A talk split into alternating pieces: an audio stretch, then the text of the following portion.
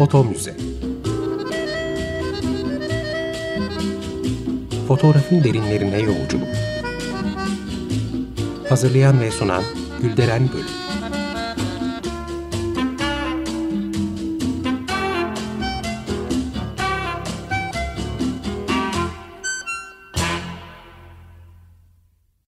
Merhaba değerli dinleyiciler, fotoğraf tarihçiniz ben Gülderen Bölük. Yeni bir foto müzede yine birlikteyiz. Her zamanki gibi önce destekçimize teşekkür ederek başlamak istiyorum. Sayın Elif Ata Yapıcıere, sağ olsunlar. E, bugün programda değerli bir konuğum var. Bellek, belge, hafıza, koleksiyon gibi kavramlar çerçevesinde e, önceki bazı programlarda da bir araya gelmiştik. Evet, Kamil Fırat, benim de değerli hocam. Hocam hoş geldiniz. Hoş bulduk Gülderen. Çok sağ ol davet ettiğin için. Aa, asıl e, beni kırmadınız, e, yine katıldınız. Ben e, minnettarım. Var olun. E, bugün Kamil hocamla yüksek mimar, fotoğrafçı Erdal Küpeli hakkında konuşacağız. Erdal Hoca benim de e, hocam olmuştu. E, kendisini maalesef 2020 yılında kaybettik. Buradan tekrar rahmet diliyorum. Açıkçası çok ilginç bir şeyi size itiraf etmek istiyorum. Ee, Erdal Hoca'yı çok az tanıyormuşum. Onu fark ettim ve üzüldüm. Ee, tabii bunun birçok nedeni var aslında. Ee, bir yıl gibi kısa bir süre renkli fotoğraf üzerine dersler aldık ondan. Belki de en önemli sebep buydu, bilmiyorum ama e, sonrasında da nedense ilişkimiz devam etmemiş. Yalnız benimle değil diğer öğrencilerle de e, böyleydi gibi hatırlıyorum. Biraz e, yapısı belki böyleydi. Oysa ne değerli çalışmaları varmış. E, ve yine Kamil Hocam sayesinde gerçek manada tanımış oldum onu. Bir sohbetimizde Erdal Küpeli'nin arşivlerinden e, söz edince ve vefatının ardından da Mimar Sinan'da kendisiyle ilgili bir sunum yaptığından bahsedince hemen radyoya taşımak istedim. Hocam ellerinize sağlık. Müthiş bir sunum ve e, çok da güzel, kıymetli fotoğraflar. Tabii hocanın e, bir ekip olarak yaptığı çalışma bizim sadece fotoğraf tarihi için değerli değil. Türk kültürü açısından da çok değerli. E, hocanın fotoğrafları olmasaydı böyle bir sunum zaten ortaya çıkmazdı. Dolayısıyla Erdal Küpeli'yi e, bir kere daha rahmetle anmak gerekiyor diye düşünüyorum. Evet, siz onun vefatından evvel de çalışmalarını gün yüzüne çıkarmıştınız. Ee, Bursa Foto Fest'in küratörlüğünü yaparken 2015 yılında e, o zamanın teması göç olarak belirlenmişti. Ve siz de onun yıllar önce fotoğraflarla belgelediği göçerlerle ilgili çalışmalarını programa dahil etmiştiniz. E, ben işte onu da kaçırmışım. Yani tabii bu benim eksiğim. E, Erdal Hoca'yı orada da teğet geçmişim. Ve daha sonra da 1968 ve 72 yılları arasında yaptığı çekimleri öğreniyorum ki o zamanlar bir sürü sergiyle halka izleyici sunmuşlar. Ama yıllar ne kadar acımasızmış ki araya zaman girince unutulmuş ve tozlanmış. Ee, siz e, lütfen bize bu süreci anlatır mısınız? Erdal Hoca ile ilişkiniz nasıldı? Onun bu çalışmalarından haberdardınız elbette ki Bursa'ya davet ettiniz. Biraz bahseder misiniz? E, tabii önce e, ben de Erdal Küpeli'nin öğrencisi olmuştum. Yani biz e, 1978'de akademide fotoğraf bölümü kurulunca UESYO'da o arada kapanınca oradaki hocalar da bize e, dahil olmuştu ve Erdal Küpeli de birkaç benzer durumdaki hocayla birlikte bizde ders vermeye başlamıştı ve o zamandan tanıyorum tabii Erdal Küpeli'yi. Sonra da işte okulda ben de hocalık yapmaya başlayınca e, birlikte fotoğraf üzerine e, ağırlıklı olarak da fotoğraf eğitimi üzerine neler yapılabilir diye dönem dönem e, konuşmuştuk. E, Erdal Küpeli tabii senin de söylediğin gibi ilginç bir kişilikti. Yani ilginçliği şöyle, e, sorduğunuzda cevap veren biriydi. Hani iki tip. Birisi hep anlatır mesela. Biri, bir, bir grup insandan sorulunca cevap verilir.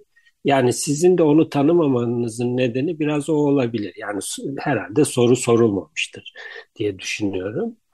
Ee, Erdal Küpeli tabii e, akademi tarihi açısından bize çok şey öğretiyor. Şöyle sadece Erdal Küpeli'nin şahsında değil, Erdal Küpeli'nin de içinde olduğu grup anlamında e, bize çok şey öğretiyor. Yani Erdal Küpeli işte Malatya'da doğuyor, ilkokulu, ortaokulu, liseyi orada okuyor. Sonra akademiye geliyor. Ama akademiye geldiğinde hani İstanbul dışından gelmiş çoğu öğrenci biraz böyle şey olur, içine kapalı olur. O öyle değil. Ee, ve hani belki de işte Malatya'daki kültür ortamı vesaire onun orada tanıştığı kültürün belki daha çok açığa çıkması, daha çok bilinmesi adına e, bir takım faaliyetlerde bulunuyor ve işte 1968'de Türk Halk Sanatları Araştırma Derneği kuruyorlar akademide. Şimdi bu e, hani bugün okullarda genellikle kulüpler var ama böyle bir e, derneğin kurulmuş olması çok değerli. E, ve ne yapıyorlar? Anadolu kültürünü e, kayıt altına alabilmek için gruplar halinde dönem dönem Anadolu'nun farklı yerlerine gidiyorlar. İşte bir dönem e, Doğu Karadeniz'e gidiyorlar, bir dönem Orta Anadolu'ya gidiyorlar, bir dönem Toroslara gidiyorlar ve oradaki işte yerel kültür, e, göçerlerin kültürlerini vesaireleri kayıt altına alıyorlar. Bu sadece fotoğraf kaydı değil aslında. İlginç bir durum. E, buradaki kişiler çoğu zaten fotoğrafçı değil, mimar var, işte grafik tasarımcı var. Farklı e, meslek grubu adayı insanlar var ve gittikleri yerlerde işte yerel halıların desenlerini mesela çiziyorlar. Yani fotoğraflar da çekmişler ama tek tek onlar e, kayıt altına alınıyor. E, şeye gidiyorlar Gürün'de yani Türk mimarlık tarihinde önemli Balaban köyü vardır. Orada e, mimari yapıların bir anlamda rölevelerini çıkarıyorlar. Yani böyle bir e, geniş perspektiften bakıyorlar meseleye. Sadece gidip bir fotoğraf çekmek değil ve bu arada da çok daha önemli bir şey yapıyorlar. Ses kaydı alıyorlar. Yerel türkülerin ses kayıtlarını alıyorlar ki e, Aşık Veysel'le karşılaşmaları var. Yani bu yıl biliyorsunuz Aşık Veysel'in de e, doğumunun 100. yılı yanlış hatırlamıyorsam. Erdal Küpeli de mesela e, Aşık Veysel'in fotoğrafı vardır yani. Böyle de bir tarafı var. E, ses kaydı yapılıyor vesaire. E, Erdal Küpeli de bütün bu faaliyetin içinde yer alıyor. Başka bir faaliyetin içinde de yer alıyor. Bugün e, Türk sinema tarihinin arşivi niteliğindeki Sinema Televizyon Enstitüsü'nün çekirdeği olan Sinema Kulübü'nün Sami Şekeroğlu ile birlikte kurucularından bir tanesidir Erdal Küpeli. E, bu anlamda da e, üzerinde araştırma yapılması gereken insanlardan biri. E, ben onun fotoğraflarını ya da bu hikayesini nereden biliyorum? Aslında okulda öğretim üyeleri sergisi için böyle dönem dönem hocalardan fotoğraf alınır. Bizden de alınmıştı ve fotoğraflar toplandığında Erdal Küpeli'nin de böyle çok güzel kadınların çömlek yaptıkları bir fotoğraf vardır ki e, o e, sunumda da kullanmıştık onu. Onu görmüştüm. Ya nereden işte nasıl ne zaman çektiniz falan diye sorduğumda bu e, eski hikayeyi anlatmıştı. Bu benim hafızamda yer etmiş. Sonra e, Bursa Uluslararası Fotoğraf Festivali'ni yaptığım dönemde bir yılda göçtü konu. O fotoğraf e, hikayesi aklımda olduğu için ilk onun 68-70'li yıllardaki e, grup halinde yaptıkları serginin dışında ilk defa aslında kamuoyuna çıktığı e, sergi olarak nitelendirebiliriz. Orada onun sergisini yapmıştım. E, daha çok tabii o arşivin içindeki e, göç fotoğraflarını almıştık. Çok da ilgi görmüştü ve bir arşiv sergisi olarak da çok değerliydi. E, sonrasında da e, işte araya bir takım şeyler girdi. İşte artık kitabın Türkiye'de e, çok da e, önemsenmediği bir dönemi yaşadık, yaşıyoruz gibi. Yani yeni yeni belki tersine dönmeye başladı ama o dijitalleşme süreci bir kör dönem gibi geliyor bana. Bir türlü o e, arşivi hani toparlayıp da bir kitap haline getiremedik. Sonra hocanın sağlık problemleri de e, oluştu. Nihayetinde dedi ki ya bu arşivi e, bırakıyorum sana e, sen bunu halledersin artık kitap mı yapacaksın ne yapacaksın diye. Aslında bu benim için bir yük. Tabii ben bunu e, kendi adıma değil e, okul adına Mimar Sinan Üniversitesi fotoğraf bölümü adına e, şu anda tutuyorum. E, ailesiyle de sürekli görüşüyorum tabii. E, çünkü yani onların bu arşiv e, biz sadece ona aracılık ediyoruz. Yani daha iyi duyurabilir miyiz? İşte belki yarın bir gün bir kitabını yaparız ya da e, inşallah bir müze açılırsa belki bu arşiv orada korunabilir. Çünkü e, benim kişisel anlamda koruyabilme şansımız bizim ömrümüzle sınırlı. Yani Aynen. o kadar. E, dolayısıyla e, mesele biraz karışık ama yani umut ediyor en azından biz bu arşivi biliyoruz ve bir takım insanlar da biliyor. Fotoğrafa meraklı olan bir kesim de biliyor. Bundan sonrasında bir sorun olacağını zannetmiyorum. Sizin zaten kendi arşivinizde yeterince e, yoğun, kalabalık, e, bayağı üretken bir sanatçısınız. Bu üretkenliğinizin arasında bir de Erdal Hoca'yı böyle gün yüzüne çıkardığınız için minnettarım hocam. Bu çok çok kıymetli.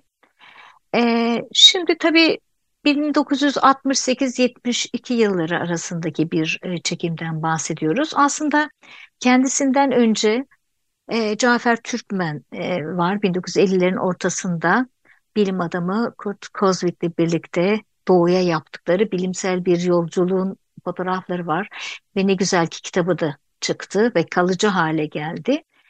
E, ortaya çıkmamış, uykuda olan pek çok arşiv de vardır e, eminim. Aslında bir sunum yaptınız onunla ilgili ama bu bir kitaba dönüşmedikçe yine unutulacak gibi geliyor. O kadar da başarılı fotoğraflar, o kadar güzel fotoğraflar. Mesela o dönemde deve kervanları hani Türkiye'de pek görmeye alışık olmadığımız bir şey bu dönemde. E sonra işte Aşık Veysel'den bahsettiniz. Onların ne güzel portreleri, o kadınların, o göçerlerin nasıl başarılı güzel fotoğraflar. Yani kalıcı olması sizce nasıl mümkün olacak bunların? E, yani bir ülkenin bu toprakların ürettiği kültürün değerinin farkında olması gerekiyor. Bu onun bir parçası, hatta aktarıcısı. Yani o fotoğraflarda gördüğümüz halı dokumalar, e, dokunmuş halıların desenlerini gösteren fotoğraflar, kadınların tezgah kurmaları, hatta e, o kadar güzel e, hikayeleştirmişler ki işte koyunların e, kırpılmasından başlayıp e, yün eğrilmesi ve sonrasında da onun iplik hale getirilmesi. Yani neredeyse e, bütün hikaye sinematografik bir anlatı biçiminde. Yani işte göçerlerin gelip e, yaylaya çıkması, yaylada e, çadırların kurulması, işte o develerin e, etrafa yayılması, koyunların bir tarafa taşınması vesaire. Yani hepsinde böyle bir şey var. Hani fragmanlar değil, başından sonuna kadar giden e, hikayeyi görebiliyoruz. Bu anlamda tabii çok e, değerli e, diye nitelemek gerekiyor. Mutlaka ve mutlaka bunların yeniden açığa çıkması gerekiyor. Çünkü bu işler yapıldığında yani bu e, çalışma yapıldığında aslında e, Türkiye'nin o dönemini de anlamak açısından e, yine e, Erdal Küpe'nin söylediklerinden aktarmak istiyorum. Paraları yok Erdal Küpeli ve arkadaşlarının. Hani bu seyahatleri yapabilmeleri için. Ne yapıyorlar? Yapı Kredi'de Vedat Nedim Tör'e gidiyorlar. Yani Vedat Nedim Tör gerçekten hani Türk Cumhuriyet tarihinin herhalde nasıl demek gerekir en gizli kahramanlarından bir tanesi. Sonrasında da Şemi Ergin, o da Demokrat Parti bakanlarından biri. Yani önce Vedat Nedim Tör, sonra e, Şemi Ergin e, bunlara para yardımı yapıyor ve karşılığında da diyor ki bunun sergisini yapacaksınız diyor ve geldiklerinde işte bu sergiler yapılıyor. Hatta bir tanesinde böyle e, bizim eski dekanlarımızdan Zeki Bey anlatmıştı, Zeki Alpan. Ya dedi e, böyle salonun ortasına o yörük çadırını kurmuşlardı dedi. Yani müthiş bir düşünün 68'li yıllarda bir enstalasyon gibi bir mekan düzenlemesi yapılıyor falan. E, dolayısıyla bu çalışma aslında o 60'lı 70'li yıllardaki özellikle işte 60 anayasasından sonra Türkiye'deki yeni e, gençliğin e, gençlik hareketleriyle birlikte hani e, ülkenin başka türlü e, tanımlanması anlamında e, kurumların da buna destek verdiğini görüyoruz. E, Erdal Küpeli yine şey diyor, her seferinde bize bin lira veya bin ile iki bin lira arası bir para veriliyordu diyor. Tabii o zamanki para ölçeğinde bakmak gerekiyor. E, her seyahatleri 5-6 kişiyle gerçekleşiyor ve 20-25 gün sürüyor. Yani hani gidip iki gün gidelim falan değil. Yine e, Erdal Küpeli aktarıyor. Gittiğimiz zaman diyor yerel idarecilerle görüşüyorduk diyor. Ve onların çok büyük katkısını aldık diyor. Şimdi bunları söylememin nedeni şu. Yani nasıl bir iklim olduğunu anlamak açısından. Yani bugün şimdi e, gidip biz e, orman idaresine desek ki işte biz şöyle bir 20 günlük seyahat yapacağız bize ulaşım desteği verin.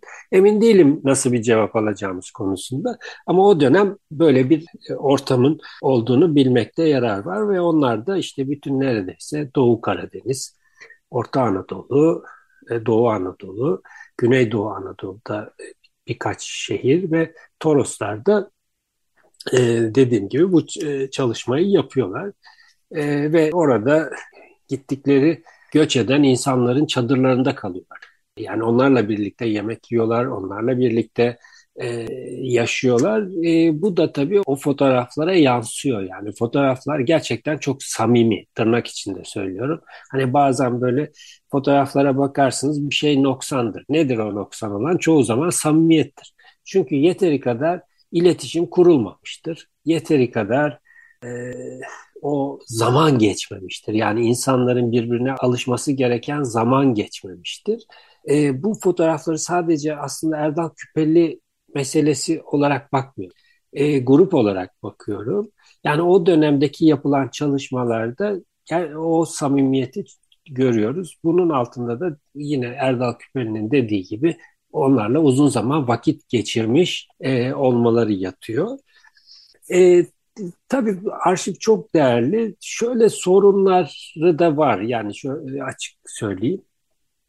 Tabii 5-6 kişi ve e, herkes kendisi bir şey yapıyor ama bunların bir merkezi toplanması söz konusu değil. Çizimlerin nerede olduğunu bilmiyoruz mesela. Bir taraftan bu iz, bunun izini sürmeye çalışıyorum. İşte o dönemde tutulan ses kayıtları nerede bilmiyoruz. Ee, mesela negatiflerin yanında yeteri kadar not yok.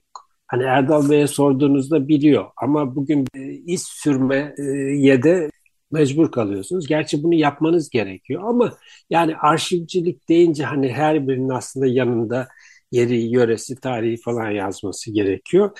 O pek söz konusu değil. O da artık kadı kızında olur denir ya. O da olacak artık yapacak bir şey yok. Evet.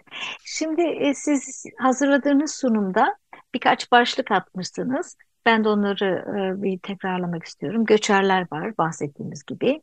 Adıyaman var, tütün köyleri. E, e, Yozgat Sivas var. O, oradaki portreler, yöre, kırsalda yaşam. Aşık Veysel'in portresinden bahsettik. Çok da hoş bir portresi. E, ben de çok e, severim Aşık Veysel'i. Sonra Malatya Balaban Köyü var. Kayseri Çömlekçiler var. Aslında hocam siz de benim gibi ilgileniyorsunuz bu eski fotoğraflarla, müzayedelerle. Şehir fotoğrafları, müzayedelerde en çok para eden fotoğraflar.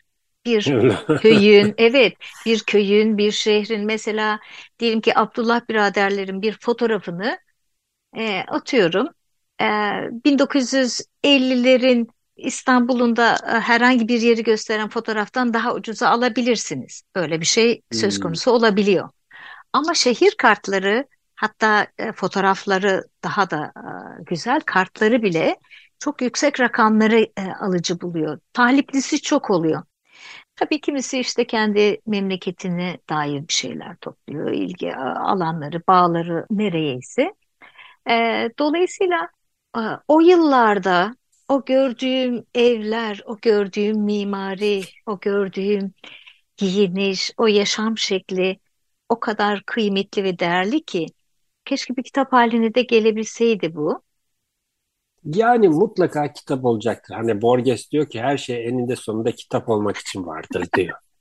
Çok Yani e, dolayısıyla hani belki zamanını bekliyordur e, Evet. diye düşünüyorum. Ya ben e, kendi adıma hani o kitabı çıkarmak istiyorum. Yani Hı e, bütçesini vesairesini bir yerden hani mutlaka bulunacaktır diye düşünüyorum. Çünkü Çok kıymetliler. e, kıymetli yani ya sen de biliyorsun Cafer Türkmen meselesi de benzer bir serüvendi aslında. Hani Cafer Türkmen'i de ilk sergisini ben yapmıştım. Hı hı. E, onun da işte bir fotoğrafını görmüştüm. Yani o, ya hocam şunları göster o da böyle çok hani başka çağın soylusu olduğu için ya ne gerek var falan demişti. Sonra e, o da arşivini e, emanet etmişti bize biliyorsun. Evet. E, dolayısıyla bunların hani mutlaka kitap olacaktır ve benzerlerini de hani siz böyle bir şeyle uğraştığınızda mutlaka size birileri kendi arşivinden de e, söz ediyor.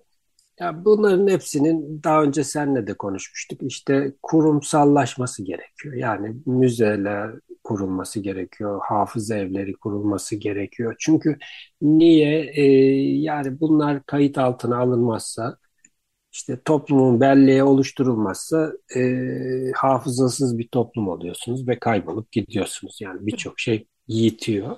Bu arada bir şeyi de atlamadan e, ifade etmek istiyorum. O hep ekip diyoruz. Kimler var o ekipte? Ulaşabildiğim isimleri de burada söylemek istiyorum. Erdal Küpeli var, Cengiz Eruzun var. Cengiz Eruzun eski bizim mimarlık fakültesinin de dekanıydı. Türkiye mimarlık tarihinde en önemli isimlerden biri. Ersu Pekin Türk kültür hayatında yine önemli isimlerden biri. Necati Onat, Osman Kademoğlu, Uğur Yüksel, Muhtar Küçük Kömürcü gibi isimler bu çalışmanın içinde yer alıyor. De onun etrafında da bir takım e, başka küçük gruplar olduğunu biliyoruz. E, yani bu isimleri de zikretmeden geçmemek gerekir diye düşünüyorum. Mutlaka onlarda da bir takım bilgiler vardır. Keşke bahsettiğimiz ses kayıtı, çizim vesaire diğer e, belgeler, bilgiler sizin elinizdekilerle birleşse de başka bir şeye dönüşse. Valla Erdal Bey'in kızı bu konuda e, çok heyecanlanmıştı. Biz sunuma da geldi. Onunla da uzun uzadıya konuştuk. O tabii babasından dolayı e, network'ü biraz daha e, geniş gibi. E, dolayısıyla öyle bir faaliyet var. Belki hani hepsine ulaşılamayabilir o belge bilginin ama ulaşılabilirse güzel bir kitap yapılır diye e, düşünüyoruz. E, son olarak da şunu sorayım. E, şimdi e, hocanın tüm arşivi sizde. E, az önce saydığımız başlıkların dışında da çalışmaları neler Ee, var? ben tabii e, oradaki sunumun dışında da çok fotoğraf var açıkçası. Başka bölgeler de var. Bakın her şeyimiz burada dememek için de içinden bir seçki e, yapmıştım. Açıkçası epey bir kısmını tarattık. Bizim asistanlarımız ve işte bizle yarı zamanlı çalışan öğrenciler var işte bu konuda. Mesela bölüm başkanımız Çetin Ergant'a, işte Bora, asistanımız Bora Şen Çanar'a bir öğrencimiz var. Onun da ismini şimdi aklıma gelmiyor. Ee, onların da büyük desteği var tabii bu konuda. O arşivin taranması konusunda. Çünkü dijitalize etmek de bir e, süreç yani. Bir zaman alan bir şey. Epey bir kısmını taradık ama daha bütünlüğünü belki bir e, zaman içinde taranır. İşte iyi bir editoryal çalışma yapılması gerekir. Yani orada yardım almamız çok gerekecek. İşte bilgi, belge toparlandıkça da e, belki yarın bir gün e, bu çalışma kitap haline gelebilir. E, belki sergisi bile yapılabilir. Yapılması da gerekir. Yani Türk kültürü açısından e, değerli bir arşiv diye düşünüyorum. Şahane. Ee, iyi ki sizin elinize geçmiş ve siz de iyi ki gün yüzüne çıkartmışsınız. Ee, hocamızı yeniden ve gerçek manada e, tanımış olduk. O, tamamen değilse bile büyük bir oranda tanımış olduk. Ee, ve ben çok mutlu oldum açıkçası böyle bir e, çalışmayla karşı karşıya gelmekten. Ee, süremizin de sonuna geldik. Hocam var olun. Ee, çok teşekkürüm doğrusunu isterseniz. Yani programa katıldığınız için de ama bu isimlere sahip çıktığınız ve bizlere aktardığınız için de. E, Bizim vazifemiz bu. Gülderen, senin de sen de aynı şeyi yapıyorsun. E, ben de yapmaya çalışıyorum. Bu e, bizim bir sorumluluğumuz. Yani e, bana da diyeceğimiz bir durum değil. Ee, belki çok vaktinizi alıyor, işte kendi işinizden vazgeçmeniz gerekiyor vesaire ama yani bu yap, birinin yapması lazım bunu ve o yapanların da çoğalması lazım. evet, Çünkü bizim kurumsal tarafımız bu konu bu anlamda zayıf yani işin gerçeği o. Ee, siz e, bunları dile getirmezseniz, gün yüzüne çıkarmazsanız iki kuşak sonra hiç bulunamayacak. Çünkü negatifler ya da fotoğraflar kaybolup gidebiliyor ya da bir müddet sonra çok yaşıyoruz yani insanlara yük oluyor. Bir- Birçok kişi bana işte ya evimde yer kaplıyor ne yapacağım diye soruyor. Ya, ya- yapacak bir şey yok yani. Onun evet. için bizim sahip çıkmamız lazım. E, var olun hocam. Programın da sonuna geldik. E, çok teşekkür ediyorum. Harika bir program oldu. Hmm, Ben teşekkür ederim. Umarım e, böyle hep her seninle program yaptığımızda e, dileklerimiz umarım bunlar daha çok kurumsallaşır diyoruz. Yine aynı şeyi tekrar etmekte bir sakınca yok. Aynen öyle. Çok teşekkürler. Var olun. Görüşmek üzere. Hoşçakalın. Değerli dinleyiciler, bir sonraki programda buluşuncaya dek hoşça kalın.